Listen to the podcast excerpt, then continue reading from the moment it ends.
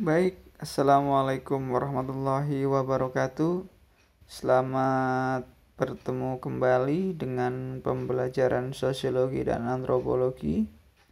Kali ini kita akan membahas materi modernisasi dan globalisasi dalam perubahan sosial. Kita akan awali pertemuan kali ini dengan mengingat kembali definisi dari perubahan sosial budaya yang telah kita pelajari pada pertemuan beri, eh, pertemuan yang lalu bahwa perubahan itu artinya adalah sebuah kondisi di mana terjadi perubahan dari masa lampau ke masa sekarang atau kondisi awal ke kondisi saat ini. Nah, kita akan langsung menuju kepada konsep modernisasi. Modernisasi dalam ilmu sosial dapat didefinisikan sebagai sebuah bentuk perubahan atau transformasi dari keadaan kurang maju atau kurang berkembang menjadi keadaan yang diharapkan atau keadaan yang maju. Nah, modernisasi sendiri menjadi sebuah kata yang populer di abad ke-19 sampai abad ke-20. Karena kata modernisasi bahkan menjadi isu yang sentral pada saat itu ah, bahkan barangkali hingga saat ini ya beberapa tokoh sosiologi maupun antropologi mendefinisikan pengertian modernisasi dengan berbagai macam perspektif ya. Suryono Sukanto misalkan seorang sosiolog dari Indonesia mengatakan bahwa modernisasi adalah suatu bentuk perubahan sosial yang dilakukan secara terarah berdasarkan kepada suatu perencanaan yang biasanya dinamakan sebagai social planning. Nah, Suryono Sukanto mau mengatakan bahwa modernisasi adalah perubahan yang sudah direncanakan dan sudah ada eh, apa namanya ya, sudah ada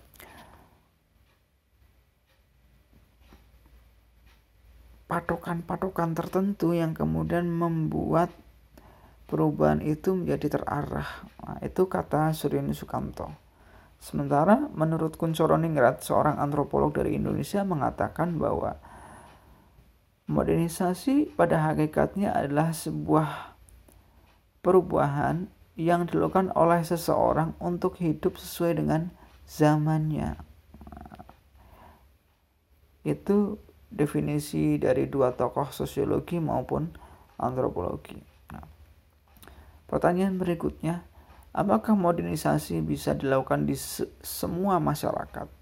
Atau apakah proses modernisasi uh, harus dilakukan di semua masyarakat? Jawabannya bisa iya, bisa tidak. Karena barangkali proses modernisasi bisa diterapkan pada semua masyarakat, tapi belum tentu modernisasi berhasil diterapkan pada semua masyarakat. Nah, maka untuk mencapai eh sorry. Maka untuk menuju ke proses modernisasi sebenarnya ada syarat-syaratnya. Biar modernisasi itu bisa berjalan dengan baik.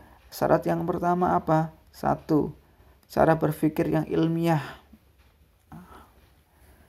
Jadi masyarakat baik itu rakyat maupun penguasa itu harus berpikir yang ilmiah rasional berdasarkan ilmu pengetahuan itu syarat yang pertama ketika proses modernisasi harus dilakukan.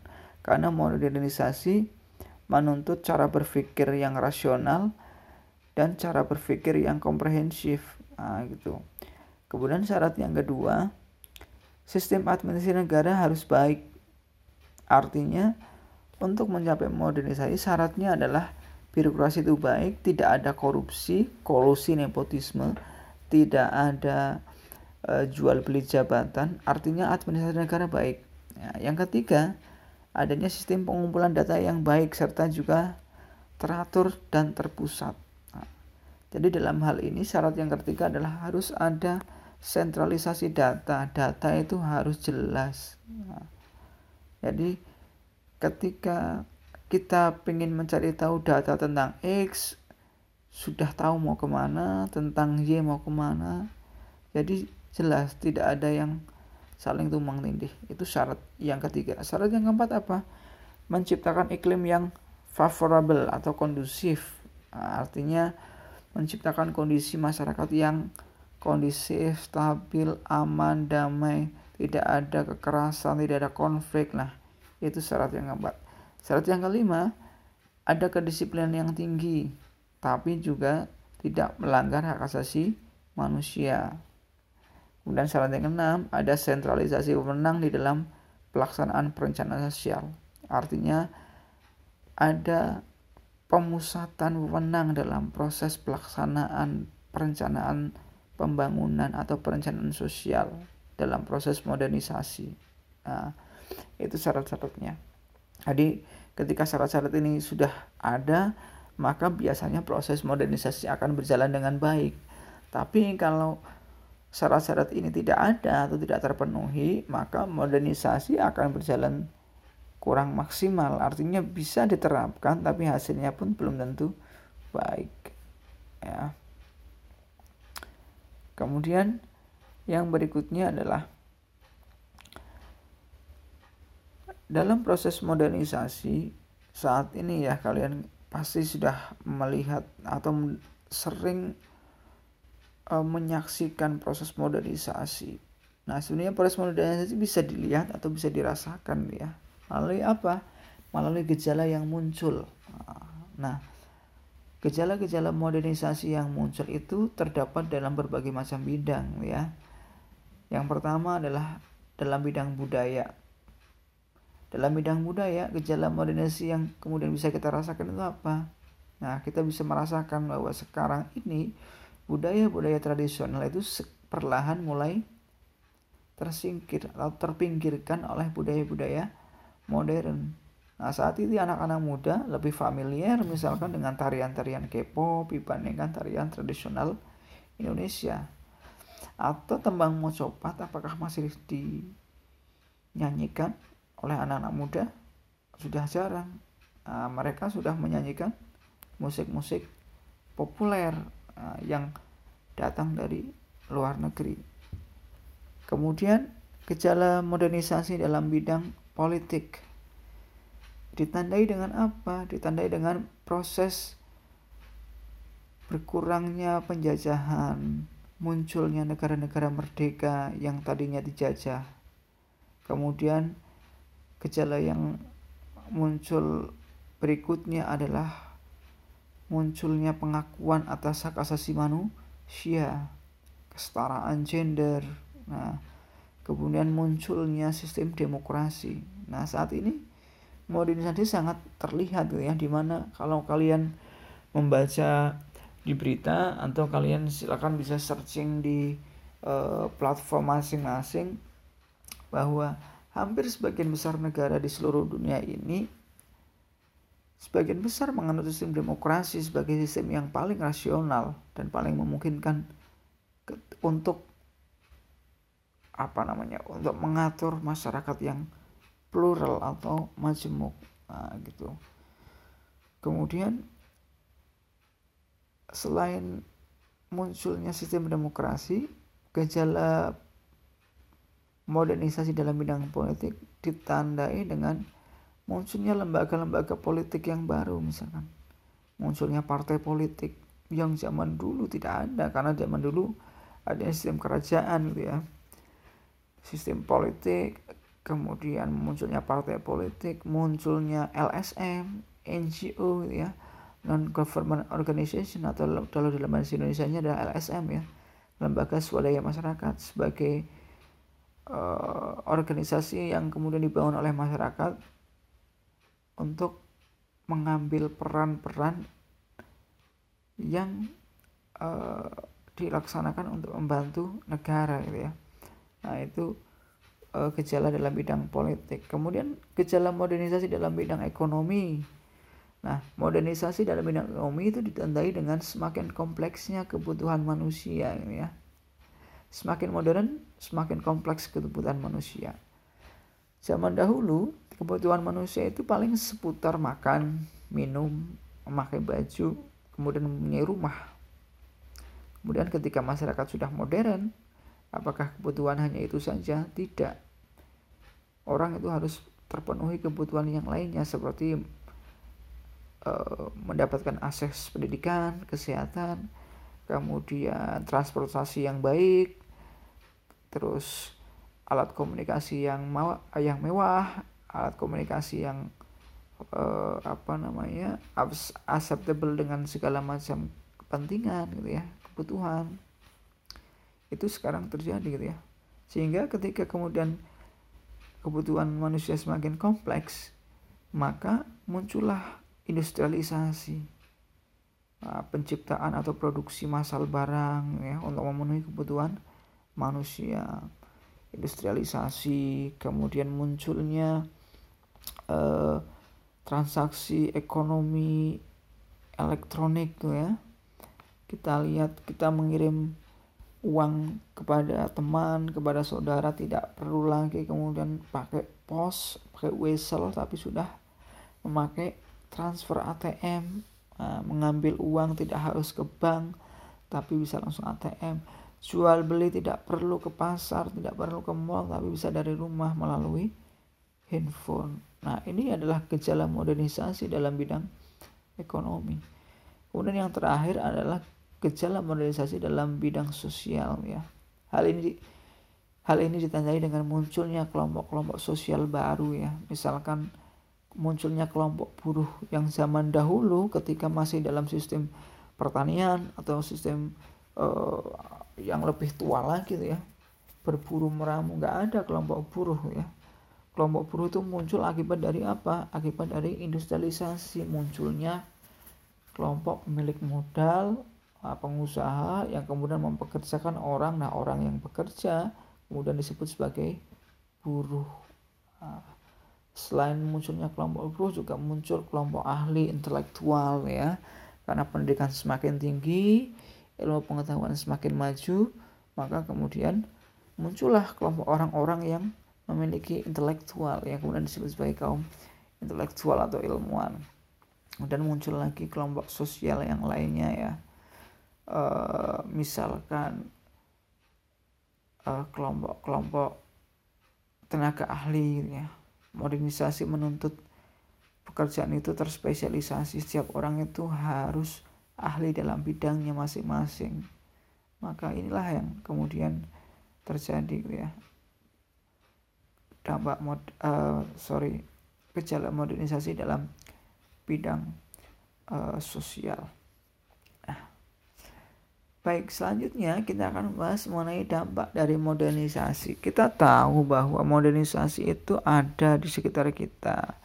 Dan barangkali kita pun sangat susah sekali untuk menolak modernisasi karena memang dunia saat ini mengarah kepada arah modern ya.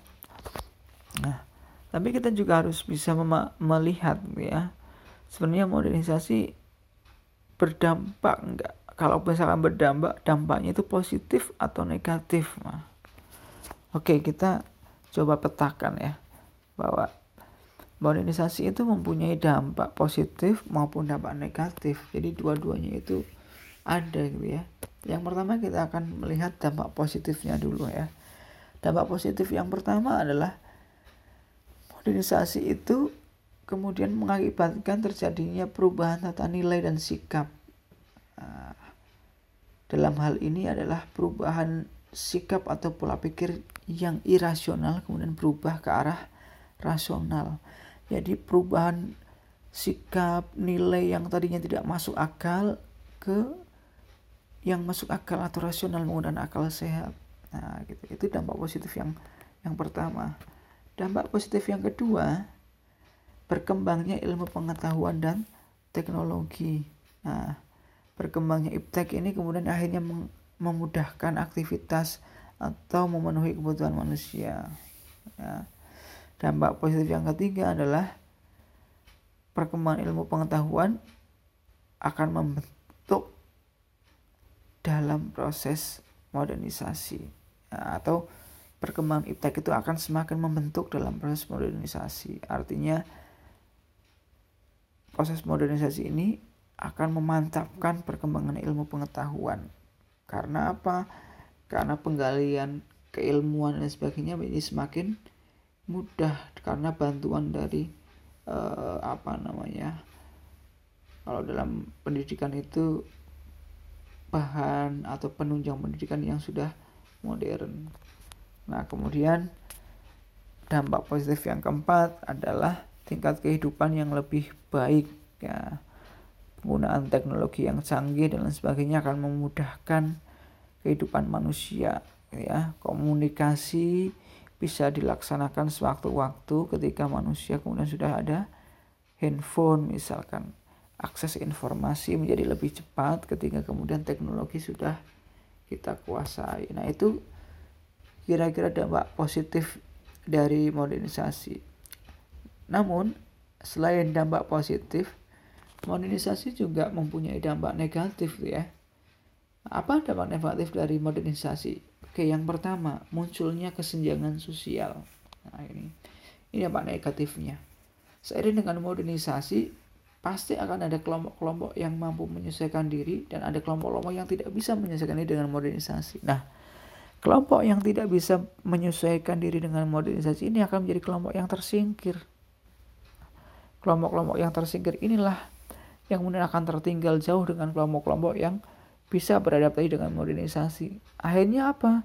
Akhirnya akan terjadi kesenjangan antara kelompok yang tidak bisa mengakses atau terlibat dalam modernisasi dengan kelompok yang bisa mengakses modernisasi terjadi kesenjangan. Kemudian dampak negatif yang kedua adanya kesenjangan ekonomi gitu ya. Ini dapat dilihat dari adanya jurang antara si kaya dan si miskin. Wah. Kemudian munculnya budaya konsumen, kemudian timbul uh, sifat suka pamer, narsisme gitu ya. Itu kesenjangan ekonomi yang yang mulai muncul ya apalagi kemudian seiring dengan berkembangnya sosial media nah, kemudian yang kaya misalkan pamer punya mobil mewah sementara si miskin ah, tidak bisa itu akan muncul kesenjangan ekonomi kemudian dampak negatif yang ketiga adalah munculnya pencemaran lingkungan ya. jadi akibat industrialisasi yang digenjot terus-menerus untuk memenuhi kebutuhan manusia, maka lingkungan akan tercemar. Karena apa? Karena industri pasti akan mengeluarkan limbah dan limbah itu kemudian dibuangnya ke mana? Ya ke lingkungan. Nah, gitu. Kemudian dampak negatif yang keempat adalah timbulnya kriminalitas atau penyimpangan-penyimpangan sosial. Nah karena apa? Karena adanya keinginan setiap orang untuk mengungguli orang lain ya. Jargon tentang kompetisi bersaing dan lain sebagainya itu mengakibatkan orang itu ingin mengalahkan orang lain nah ketika kemudian mengalahkan dengan cara-cara yang sportif dengan cara-cara yang eh, apa namanya fair tidak bisa dilakukan nah orang-orang yang bermasalah ini akan melaksanakan atau melakukan segala cara agar apa? Agar dia mendapatkan apa yang diinginkan. Termasuk dalam hal ini adalah perbuatan kriminal. Nah, gitu. Ya itulah dampak positif dan negatif dari modernisasi sampai di sini barangkali uh, kalau ada pertanyaan nanti bisa ditulis di kolom komentar untuk pertemuan yang selanjutnya nanti kita akan bahas mengenai contoh-contoh modernisasi kemudian kita lanjutkan dengan globalisasi uh, saya pikir sekian penyampaian materi mengenai modernisasi dari saya. Mudah-mudahan bisa dipahami. Nah, kita akan kembali lagi pada pembelajaran berikutnya dengan materi-materi yang berbeda.